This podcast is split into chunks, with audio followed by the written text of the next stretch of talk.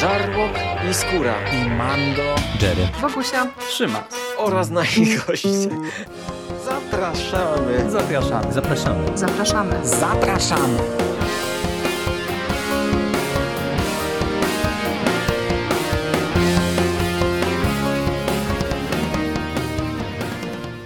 Witamy Was wszystkich bardzo serdecznie w kolejnym odcinku konglomeratu podcastowego. Z tej strony Michał Rakowicz, czyli Jerry, i jest ze mną Michał Ochnik, Misty Pop z mistycyzmu popkulturowego. Czołem Michale. Czołem Jerry, cześć wszystkim. Spotykamy się e, po e, pewnym czasie, aby sfinalizować serię Sandman Nila Gaimana. Zabieramy się dzisiaj za dziesiąty tom, zatytułowany Przebudzenie i jest to album, który zbiera ostatnie zeszyty tej głównej serii. Są to zeszyty od 70 do 75 i w zasadzie jest to album, który e, stanowi swoiste postscriptum, taki epilog do historii Morfeusza, która no de facto zakończyła się w tomie dziewiątym zatytułowanym Panie Łaskawe.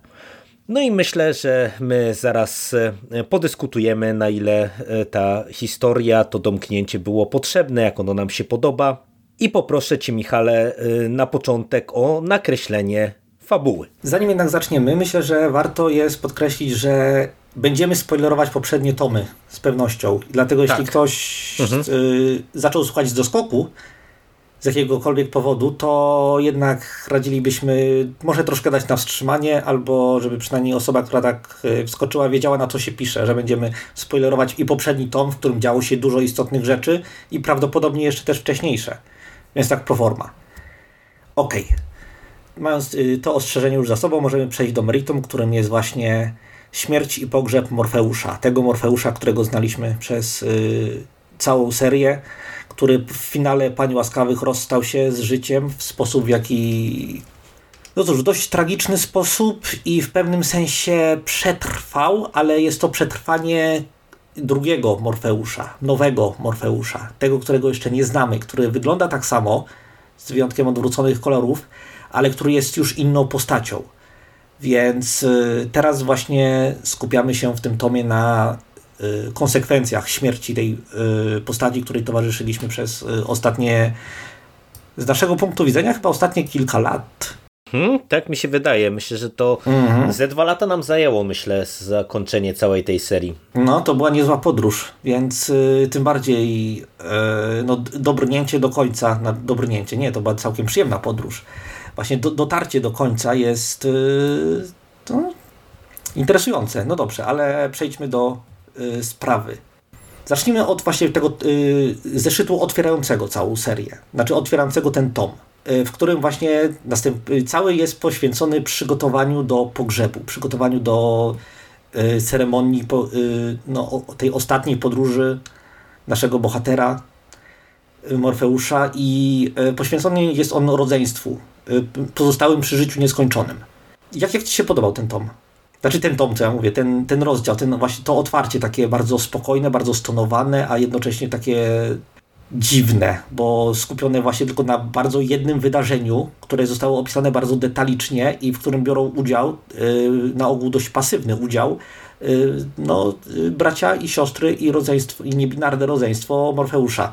Wiesz to, ja ci powiem, że paradoksalnie w tym zeszycie otwierającym to, co moją uwagę przykuło, to nie była kwestia tych przygotowań e, nieskończonych do tego pogrzebu, e, tylko to, że e, dostajemy tutaj jednocześnie Daniela, który w zasadzie przywraca status quo, bo to było dla mnie, przyznam się, i cały czas jest trochę dziwne zagranie.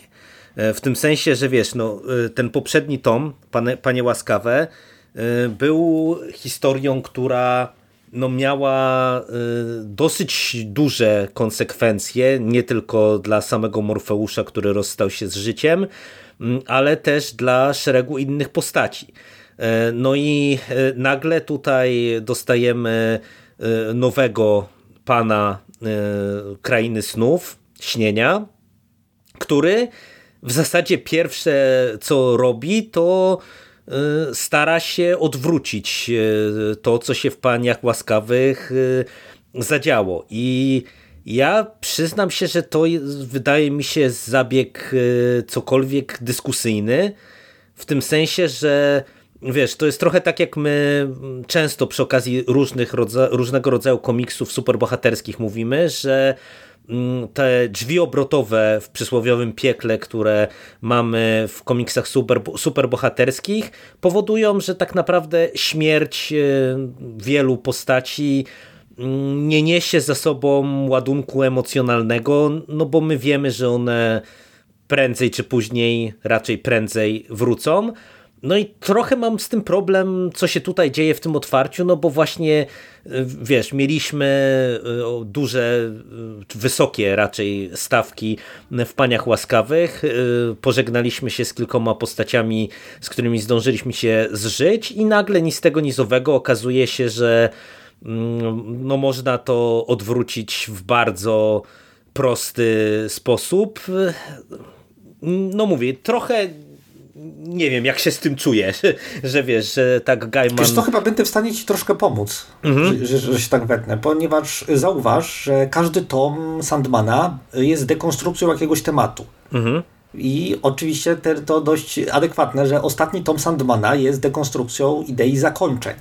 Warto też pamiętać, że Sandman, chociaż nie jest de facto komiksem superbohaterskim, to jest bardzo ściśle związany z gatunkiem komiksu superbohaterskiego na wiele różnych sposobów prawdopodobnie nie, e, nie, nie muszę tłumaczyć. I to wszystko sprawia, że wydaje mi się, że Gaiman właśnie tutaj e, robi tę dekonstrukcję zakończeń, dekonstrukcję kończenia się. I ten, właśnie ten element, e, ok, skończyło się i co dalej. I wydaje mi się, że to jest całkiem ciekawa, taki trochę metakomentarz, trochę dekonstrukcja tego, co się dzieje, że ok, dostaliśmy jakąś zmianę i ta y, natury zmian właśnie często tak wyglądają, że pozornie coś się zmienia, ale generalnie jednak niekoniecznie. Generalnie jednak mniej więcej wszystko wraca do tego, co uznawaliśmy za normę. Pojawiają się jakieś kluczowe różnice, ale status quo zostaje przywrócone. To, to, to yy, tak jak trochę jak z, wiesz, zmianą prezydenta. Wiadomo, przychodzi nowy prezydent, która będą nowe porządki, ale Y, mija parę tygodni, parę miesięcy, okazuje się, no nie, nadal żyjemy na tym samym świecie. I wszystko jest no, tak, jak było. Nawet, na, na, nawet jeśli niektóre rzeczy się zmieniły. I nie tylko z komiksami jest też tak samo, jak na przykład zmienia się scenarzysta. Że y, y, też jest taki moment, że okej, okay, dostajemy trochę nowych idei, trochę nowych pomysłów, ale generalnie rzecz biorąc, to jest to samo. Wydaje mi się, że Gaiman właśnie tutaj próbuje nam przedstawić coś takiego. To jest, to jest jedna rzecz, o której z, y, którą tutaj y, chciałbym no, dodać do tego, co powiedziałeś. Drugą jest to, że warto pamiętać, iż Daniel jest nowy. On jeszcze nie, nie, nie wie, co ma robić. On jest y, dosłownie urodził się z jego perspektywy kilka godzin temu, w tej formie, w której no, tutaj jest, w tym komiksie. I tak samo jak osoby, jeśli jesteś gdzieś nowy, i zastępujesz jakąś osobę, to bardzo często zdarza się, że po prostu naśladujesz swojego poprzednika, bo cokolwiek on robił, to yy, on był na tym yy, yy, właśnie on był na tym miejscu mhm. i zachowywał się w taki sposób, więc y, chyba dobrze jest też zachowywać się w taki sposób, bo y, zakładając, że ta osoba wiedziała, co robiła zanim została zmieniona przez ciebie. I wydaje mi się, że to jest też tego typu case, że on, on, on jeszcze nie wie, kim jest, więc próbuje być swoim przeszłym sobą ja patrzę na to właśnie z tej perspektywy. Znaczy, to mm, jest perspektywa, e, z którą się mogę e, zgodzić, czy rozumiem Twoją argumentację, natomiast e, jakby to nie, nie zmienia postaci rzeczy, jeżeli chodzi o moje wątpliwości, bo ja przyznam się, że trochę nie czuję, żeby to była dekonstrukcja. Ja trochę to odbierałem, to, to zakończenie, odbieram może na zasadzie nie wiem, finału Mrocznej Wieży, gdzie mamy to, wiesz, przysłowiowe y, K jest kołem, więc właśnie wracamy nieco do, do punktu wyjścia. Mm, przy czym w tamtym przypadku to mi działało, bo to było spuentowanie długiej drogi y, postaci. Tutaj przez to, że no nie mamy do czynienia z Morfeuszem, tylko właśnie mamy Daniela, nową postać, no to to tak jak mówię, to, to nie jest tak, że ja to uważam, że, uważam, że to jest e, jakiś, nie wiem, błąd, czy, czy że, że to jest coś złego, że Gaiman tak to rozegrał. E, tym bardziej, że tu są fajne patenty, ale, ale mówię, trochę mam wrażenie, że to tępi wymowę tego poprzedniego tomu, bo wiesz, ja mówię, że tutaj są fan, fajne patenty, bo na przykład mamy, nie wiem, postać ten, tego zielonego zakątka. To jest ten taki facet w mhm, okularach. Z domu lalki. Nie, tak, tak. E, no i to jest też jedna z tych postaci, która zginęła w poprzednim tomie. E, no i tutaj właśnie mamy zrobione z nim coś ciekawego, bo Daniel też chce go przywrócić do, do życia, a on jakby nie wyraża zainteresowania i, i zgody na to, żeby właśnie przekreślić ten swój los, który się dokonał w poprzednim tomie. I y, być może właśnie to, co powiedziałem, to też no, sankcjonuje, czy jeszcze umacnia tę twoją, e, to, to twoje spojrzenie na ten temat, że to jest jakaś dekonstrukcja, nie? że Gaiman właśnie nam pokazuje, że czasem to jest e, status quo, a czasem e, złamanie pewnych, pewnych takich, no, wydawałoby się stałych zasad, mm, ale, ale to mówię, to tak skoncentrowałem się na tym wątku pobocznym, wracając do nieskończonych, to jest dla mnie akurat y, spoko rzecz. Y, tak naprawdę całe te trzy zeszyty, które się koncentrują najpierw na tym przygotowaniu do pogrzebu, y, później na samym pogrzebie y, i rozstaniu się ze śnieniem, to jest lektura taka dosyć przyjemna, bo mm, ja się przyznam, chyba możemy omówić wszystkie te trzy naraz, bo one stanowią właśnie taki mini ark mm -hmm. w całym tak, tomie. Tak, tak, tak. Ja ci powiem krótko. Dla mnie to, to jest lektura przyjemna, aczkolwiek ja nie czuję, żeby ona była potrzebna. E, w tym sensie, że to miałem bardziej poczucie, że ze strony Gaimana to chyba było właśnie takie takie trochę zluzowanie.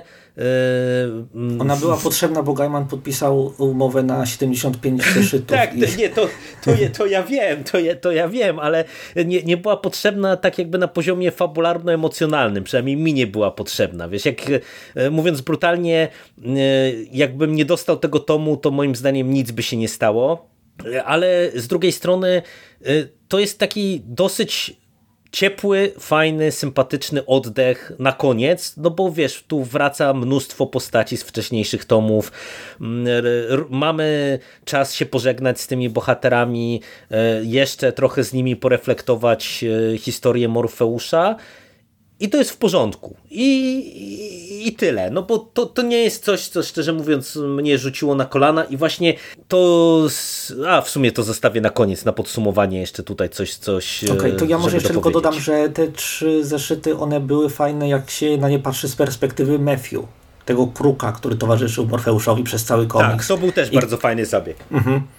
I że on, on, jest takim troszkę podstawionym czytelnikiem tutaj, nie? Takim punktem widzenia czytelnika, który też musi pogodzić się z tym, że to już się skończyło i że już nie będzie i że teraz może być coś nowego, a może nie być nic i to trochę zależy od ciebie. W sensie od, od ciebie czytelniku, czy albo nie wiem, pójdziesz poczytać sobie jakiś inny komiks, albo po prostu już skończysz, albo odejdziesz, czy, to, czy cokolwiek. I to, to było właśnie fajnie, bo właśnie humanizuje to trochę Matthew, który zawsze był bardzo sympatyczną postacią, i jednocześnie też pokazuje, no, no, no, właśnie jest takim trochę wyrazem tego, że ok, Gaiman nas widzi, nas czytelników i prawdopodobnie wie, jak my będziemy na to reagować. I też troszkę jest to historia o tym. Dla mhm. mnie to było spoko. Rozumiem o co ci chodzi w tym, że to jest trochę tak y, dużo, y, znaczy to jest trochę niepotrzebne w pewnym sensie z punktu widzenia tej szerszej historii. Ja bym się odrobinę kłócił, ale, ale rozumiem co masz na myśli zdecydowanie. Tym niemniej ja się cieszę, że te właśnie, że przeczytałem te trzy y, no, y, te, właśnie te trzy komiksy, znaczy te trzy zeszyty. Ty wiesz, te, te trzy zeszyty to jest, mówię, takie no, ładne domknięcie po prostu jakby całej tej podróży.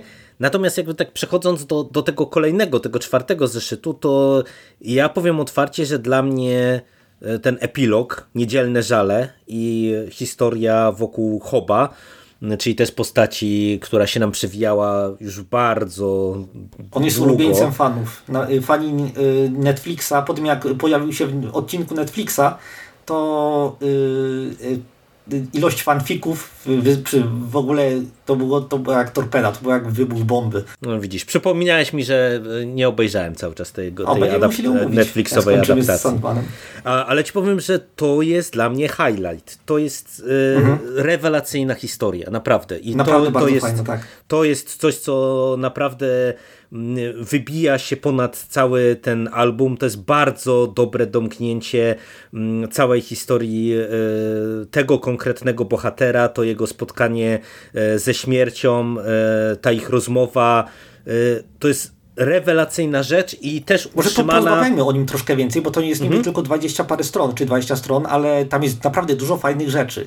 Przede tak. wszystkim y, ja nie, nie mogę uwierzyć, że ten y, odcinek, właśnie ten komik został napisany, nie wiem, chyba pod koniec lat 90., bo tu jest też taki trochę metakomentarz na temat fanów mających ból dupy, że postacie y, właśnie adapta z adaptacji są grane przez nie, nie takiego koloru tak, skóry tak, tak. aktorów jak chcą, to jest jedna rzecz. Druga rzecz, że tu jest y, ten, y, taka narracyjna przekora, którą Gaiman bardzo lubi, że mamy człowieka z renesansu, który udaje człowieka współczesnego, na festiwalu renesansu, na którym y, ludzie współcześni udają ludzi renesansu. I jeszcze, jeszcze to wszystko Hop cały czas kontruje, wiedząc, mhm. że dokładnie tak to nie wyglądało i tak naprawdę to już pomijając ten kontekst, o którym mówisz, to w ogóle to jest jeden wielki cosplay historii, a nie y, nawet próba adaptacji tego, co było do czasów współczesnych, nie? Dokładnie. I y, właśnie powiedz, co ciebie ujęło w tym zeszycie, bo o, wyda, wydaje mi się, że to jest nasz wspólny taki highlight Twilight. Jest to tak naprawdę wszystko. Świetna jest relacja Hoba z e, tą jego aktualną partnerką, e, bo wiesz, w przypadku e, takich postaci jak Hob, czyli no de facto nieśmiertelnych albo długowiecznych, to ja mam wrażenie, że często twórcy na którymś etapie nie do końca wiedzą, jak te postaci pisać, albo te postaci stają się taką co do zasady raczej nieprzyjemną, nieprzystępną figurą w myśl tej zasady, że już wiesz, tyle osób pochowałem wokół siebie, że yy, to już wszystko jest bez sensu. I ten taki optymizm yy, Hoba, yy, ale taki, taki cierpki optymizm, nie? Te jego wszystkie przekomarzanki, yy, te uciekanie od ludzi i tak dalej, i tak dalej, to jest naprawdę mm, bardzo dobrze rozpisane, ale też mówię z taką dużą dozą ciepła i do postaci Hoba i do całej tej relacji.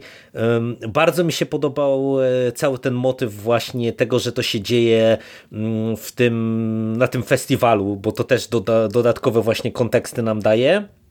No i przede wszystkim ja trochę się obawiałem, e, w którym kierunku to pójdzie i tak naprawdę to jest też e, historia, która mnie najbardziej zaskoczyła, bo wiesz, bo kiedy zobaczyłem, że mm, wchodzi na scenę śmierć, to e, mhm. szczerze ja mówiąc tak...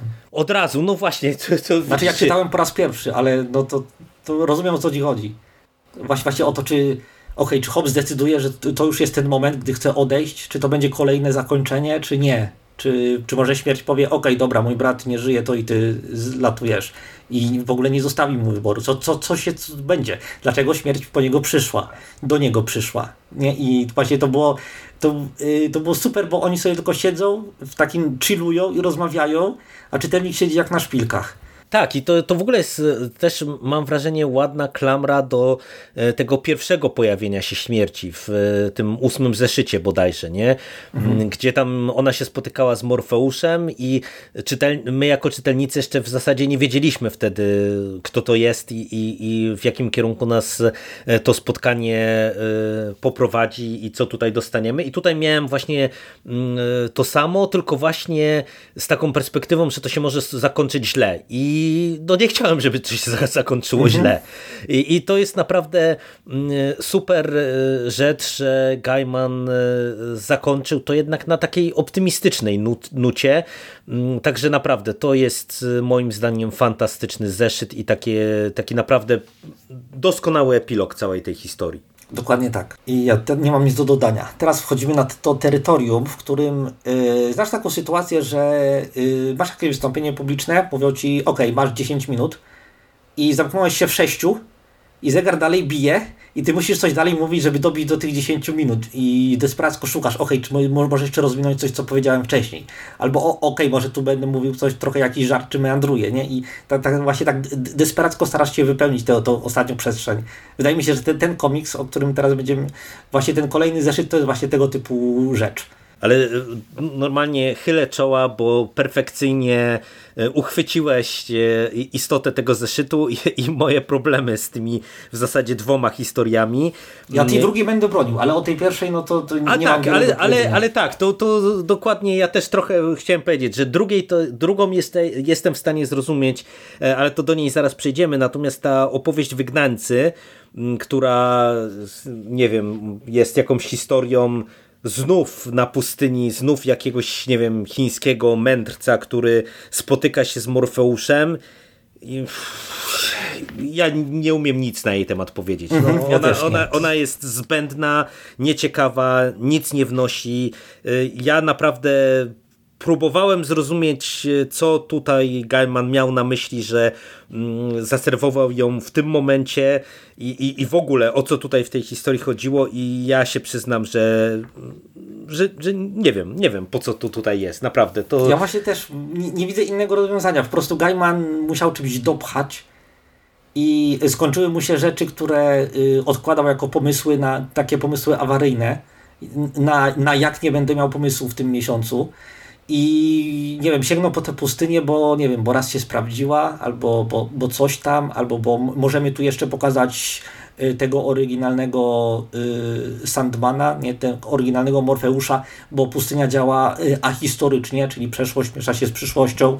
Ale, ale widzisz, no, z, znów dotknąłeś sedna problemu. To już było i było zrobione mhm. lepiej, bo przecież takie historie na pustyni mieliśmy mm, wcześniej i, i naprawdę to dużo lepiej działało, bo było gdzieś tam y, zacumowane w jakimś określonym kontekście wcześniejszych historii i działało. No a tutaj na tym etapie jako taki epilog do epilogu? Nie bardzo. Delikatnie rzecz ujmując. No dobra, to jeszcze mamy ten ostatni odcinek o Szekspirze. Ty powiedziałeś, że on też jest dla ciebie zapychaczem. Ja go będę trochę bronił. To, yy, według mnie to nie jest najlepsza historia Gaimana, jaką napisał w żadnym wypadku. Nie jest nawet w pierwszej dziesiątce. Gdybym miał powiedzieć, wrzuciłbym ją raczej do tych troszkę słabszych, ale y, ona nie, nie jest zła i ona ma tematyczne znaczenie, które y, działa jako ostatnia historia zamykająca cały komiks. Ale tu, tu się pod tym kątem y, z tobą zgodzę i ja dlatego powiedziałem, że ta druga historia jest lepsza, ta, ta burza, nie? bo mhm. to, to, ten, ta historia jest zatytułowana burza. Ja przede wszystkim o tyle rozumiem akurat jej obecność tutaj, że mam wrażenie, że ona działa na dwóch poziomach. E, po pierwsze, ona się tematycznie mm, sprawdza, bo tamta poprzednia nie działała, bo ona nie miała sensu w kontekście mhm. E, historii o zakończeniach i o epilogach, a tutaj jednak mamy mm, wiesz, temat, ostatnie dzieło, ostatnia kropka, domknięcie pewnej historii i tak dalej, i tak dalej, więc jakby mm, tematycznie to jest ok. A dwa, ja mam wrażenie, że Gaiman jako ogromny fan e, Szekspira, który dawał temu wyraz wielokrotnie e, na kartach e, Sandmana, no, chciał to w ten sposób też domknąć.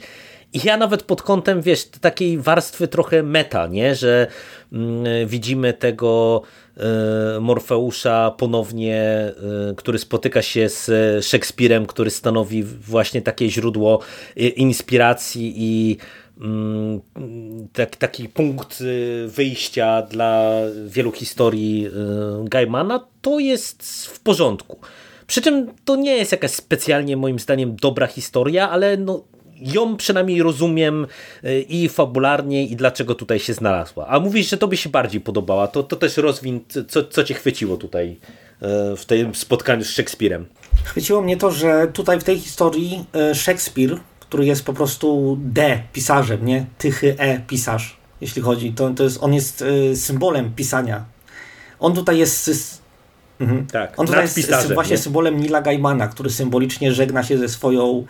E, no, ze, z pracą swojego życia. Z perspektywy czasu mo, możemy chyba to powiedzieć, że choć Gaiman napisał mnóstwo imponujących rzeczy, to zawsze będzie, wydaje mi się, wymieniany głównie jako autor Sandmana bo to jest najważniejsza rzecz, jaką napisał w swoim życiu i napisał ją dla Morfeusza i tutaj troszkę się tak symbolicznie żegna za pomocą tego Szekspira.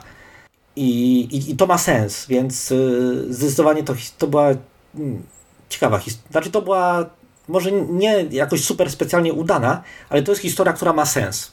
I to wydaje mi się jest kluczowe w niej. Tak, to pod tym się tutaj e, podpisuję i, i, mam wrażenie, że też te ostatnie kadry z tym podpisem i domknięciem burzy, no to jest takie ładne domknięcie na tym poziomie meta całego tego albumu. Dokładnie. Mhm. Powiedz mi, czy o, o, stronie wizualnej byś chciał coś powiedzieć? No bo znów mamy jest trochę zbyt normalna. nowy zestaw rysowników. Trochę zbyt normalna jak na mój gust, bo Sandman przyzwyczaił mnie do tego, że jest bardzo tak ekspresywna i niezwykła i często eksperymentalna, a tutaj eksperymentalny był chyba tylko ten zeszyt, który mocno krytykowaliśmy za to, że jest niepotrzebny. Wygnańcy. Mhm. A reszta jest dość zachowawcza, tak, tak. więc Chociaż to, to też w jakiś sposób trochę pasuje do tego właśnie, że to jest przebudzenie, czyli już wychodzimy z tego świata magii tak bardziej do świata rzeczywistości. Że zabawa się skończyła i teraz no... Ale to też trochę, trochę słaba wymówka, więc... Yy... Ale nie, nie, nie, generalnie to jest porządny. Utrzymuje wysoki poziom poprzednich tomów. No, ja tutaj też się w zasadzie zgadzam, chociaż y, ja akurat bym oceniał nawet chyba trochę wyżej, bo mam wrażenie, że właśnie ten styl taki ostry, bo on przede wszystkim jest taki bardzo z wyraźnym konturem i, i, tak ostro e, te rysunki mamy serwowane. On się sprawdza jakoś, mam wrażenie, w tej historii, także to mi się podobało i powiem Ci, że powinien, powinienem o tym wspomnieć na początek, ale w sumie e, podsumowujemy pomału, to, to jeszcze dwa zdania dopowiem o tym. Wyjątkowo podobał mi się wstęp, bo tak jak My w zasadzie, chyba poza tym wstępem Kinga, e, to, to w zasadzie pomijaliśmy e, te, te wstępy przy poszczególnych e, tomach, ale ja trochę celowo na nie nie zwracałem uwagi, bo ogromna większość tych wstępów to była czołobitność po prostu do mhm. entej potęgi, która mam wrażenie, że niewiele wnosiła do jakby takiego słowa wstępnego do danego tomu, ale ten wstęp jest super. Bardzo mi się to, to, to spodobało, jak zostało e, tutaj to poprowadzone. Ja, ja, ja już nie, nie, nie, pamiętam, co było w tym wstępie. E, za ten wstęp odpowiada e, Michael Gilmore i on, wiesz, trochę inaczej podchodzi do, do wstępu, bo on się właśnie nie, nie tyle koncentruje na tym jednym tomie, tylko tak trochę przechodzi czy, czy podsumowuje bardziej całą sagę. I to bardzo do mnie trafiało, bo wiesz, w kontekście tych emocji, że my jako czytelnicy też się żegnamy e, właśnie z całą serią, mhm. E, to mi działało i miałem wrażenie, że on też e, no, sporo celnych takich obserwacji i z momentu, kiedy Sandman się ukazywał, powstawał i właśnie z tego momentu już po zakończeniu serii tam stworzył, nakreślił y, i, i bardzo mi się to podobało. Okej, okay, to podsumowując już całą serię, który, był twój, który tom był twoim ulubionym? Wiesz to, trudno byłoby mi wybrać, najkrócej rzecz ujmując, e, bo y, ja mam wrażenie, że Sandman to jest taka bardzo dziwna seria, mm, o której gdyby mnie ktoś zapytał, to y, bym powiedział, że to zależy, bo e, chyba musisz przyznać, że... No tak, to zdecydowanie zależy. Ja też nie umiałbym odpowiedzieć... To, to nie zależy trochę od, od, wiesz, od i od człowieka, i od momentu, w którym się człowiek znajduje, bo wiesz, mamy te takie w zasadzie zbiory opowiadań, które się koncentrują na pomniejszych, często bardzo dobrych historiach. Mamy te albumy, które są e, domknięciem pewnych etapów e, i, i wiesz, i i to naprawdę trudno by mi było wybrać e, jakiś taki jeden e, najważniejszy. E, ty, ty, ty mówisz, że też nie jesteś w stanie, tak? Jakbyś mnie zapytał dzisiaj, powiedziałbym, że trzeci tom, a jakbyś mnie zapytał powiedzmy za rok, to bym powiedział jeszcze jakiś inny, więc yy, też trudno właśnie powiedzieć, bo yy, większość z nich jest, ma w sobie coś tak wyjątkowego, że war, warto go niemal oceniać jako oddzielna rzecz, a nie jako, y, ser, jako element serii. Więc y, zdecydowanie y, też jest tak, że nie umiałbym odpowiedzieć. A pojedynczy zeszyt byś umiał?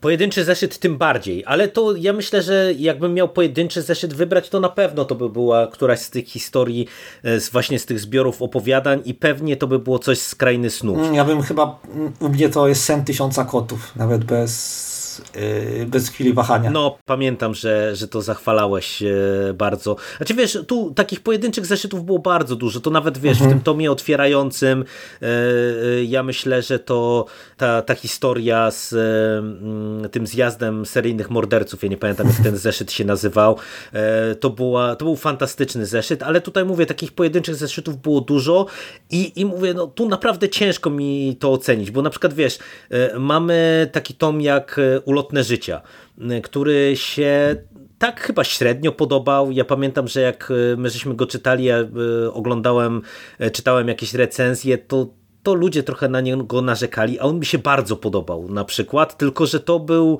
trochę payoff wielu wcześniejszych wydarzeń, nie? Mhm. I tak jak, jak podsumowujemy, to ja ci powiem, że ja raczej to z łatwością, to bym umiał chyba tylko powiedzieć, który mi się najmniej podobał, i to chyba będzie koniec światów. Y, tak y, mi się wydaje, o. względnie właśnie to zakończenie. Przy czym to jest ten ostatni tom, ale to też jest tak, że y, to przebudzenie, ja nie uważam, że to jest zły tom. To jest, wiesz, to jest spoko domknięcie serii, ale... Koniec światów to jest ja... ta antologia z y, tawerną.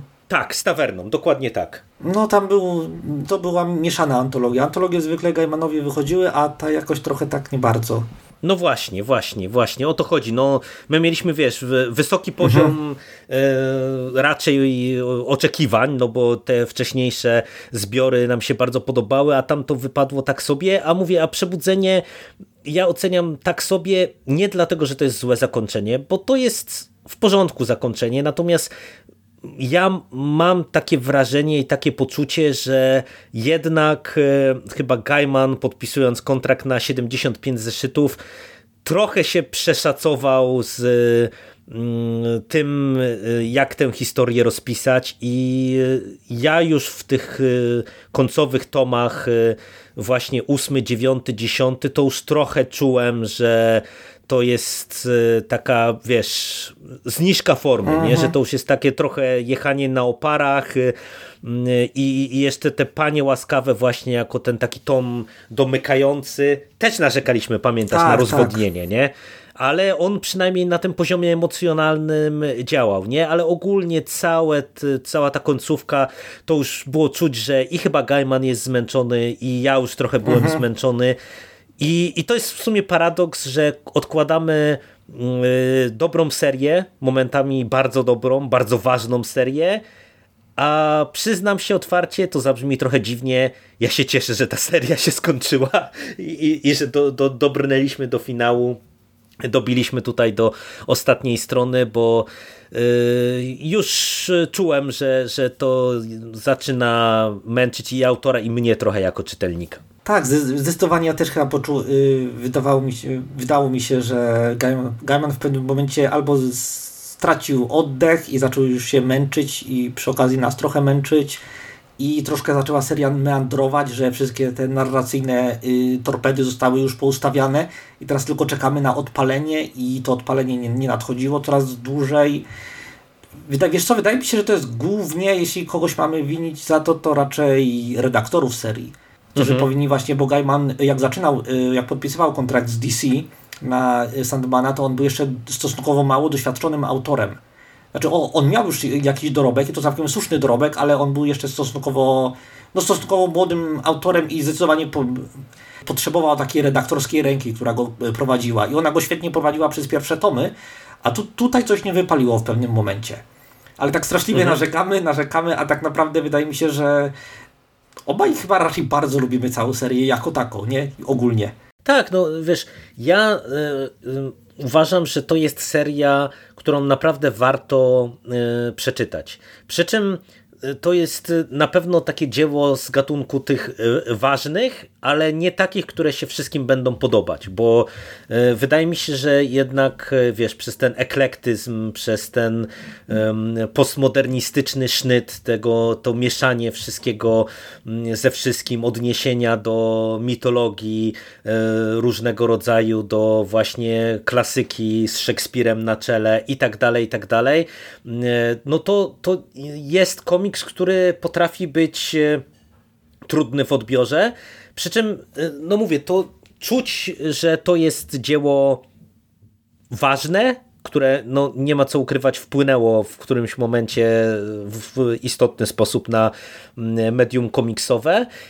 I co też jest w sumie ciekawe, no ono się broni, nie? No bo jednak wiesz, mamy takie tytuły komiksowe, które były ważne na jakimś etapie mm, e, swojej kariery, swojego powstawania, a z perspektywy czasu no, wypadają tak sobie. A właśnie w przypadku Sandmana e, też myślę, że to bogactwo treści i formy powoduje, że to mm, poniekąd jest taki komiks, który jest ponadczasowy, nie? On za kolejne 30 lat pewnie też tak samo y, będzie się dobrze prezentował y, i tak, i tak samo będzie na swój sposób wymagającą lekturą. Nie? Dokładnie. To jest, y, no to, no to, to jest Sandman. To jest, sam, to jest cholernie ważny element historii komiksu z jednej strony, a z drugiej strony to jest wciąż naprawdę bardzo dobry komiks.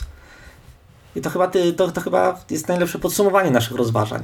Tak, dokładnie tak. Y, przy czym my też się tak żegnamy, ale tak naprawdę trochę kantujemy. Bo, Coś tutaj. Bo, bo tutaj z jednej strony mówimy, że to już jest finał, że się rozstajemy, ale tak naprawdę my y, mamy jeszcze jeden tom przed sobą, y, bo czeka na nas w końcu uwertura, którą Egmont wydał jakiś czas temu, czyli na tyle, na ile ja rozumiem, bo jeszcze mam lekturę przed sobą, jest to taki swoisty prequelo sequel całej serii, także no jestem bardzo ciekaw e, jak to wypada, bo po prostu najzwyczajniej w świecie jestem e, no, bardzo ciekawy, czy Gaiman faktycznie miał coś do powiedzenia i do dopowiedzenia, wiesz, do całej tej historii po latach, nie?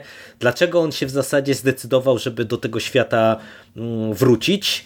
Y, no i mam nadzieję, że wkrótce się o tym przekonam i, i jeszcze sobie o tym komiksie porozmawiamy. Ja również, ja dodam, że też jeszcze nie przeczytałem go do końca. Przeczytałem kilka pierwszych rozdziałów i żeby się upewnić, czy, no, czy, czy możemy mówić o nim w trakcie serii właśnie w mhm. trakcie tej naszej serii, czy dopiero po zakończeniu. Y, z różnych powodów jednak doradziłem Jeremu, to mówię do naszych słuchaczy, żeby je, żebyśmy się wstrzymali z recenzją tego komiksu, aż skończymy tę serię.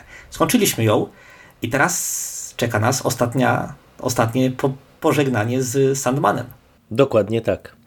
No to cóż, dzięki Ci bardzo e, Misty za dzisiejszą rozmowę. Ja również Tobie bardzo dziękuję Jerry. No i słyszymy się, mam nadzieję, bardzo wkrótce przy okazji ostatniego akordu z Sandmanem w roli głównej. Trzymaj się, cześć, cześć. Cześć, cześć.